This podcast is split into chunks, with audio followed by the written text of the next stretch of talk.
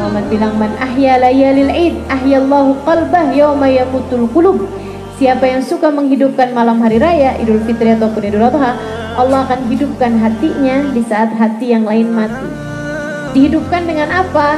Dengan amalan-amalan, dengan ibadah-ibadah, dengan doa-doa insya Allah apa maksudnya di saat banyak hati mati? Kapan itu? Habib Umar guru saya pernah menerangkan ini.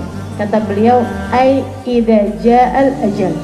Yaitu saat hati mati itu banyak terjadi ketika datang malaikat Israel mencabut nyawa seseorang. Orang hatinya mati justru di saat sakaratul maut. Sering kan?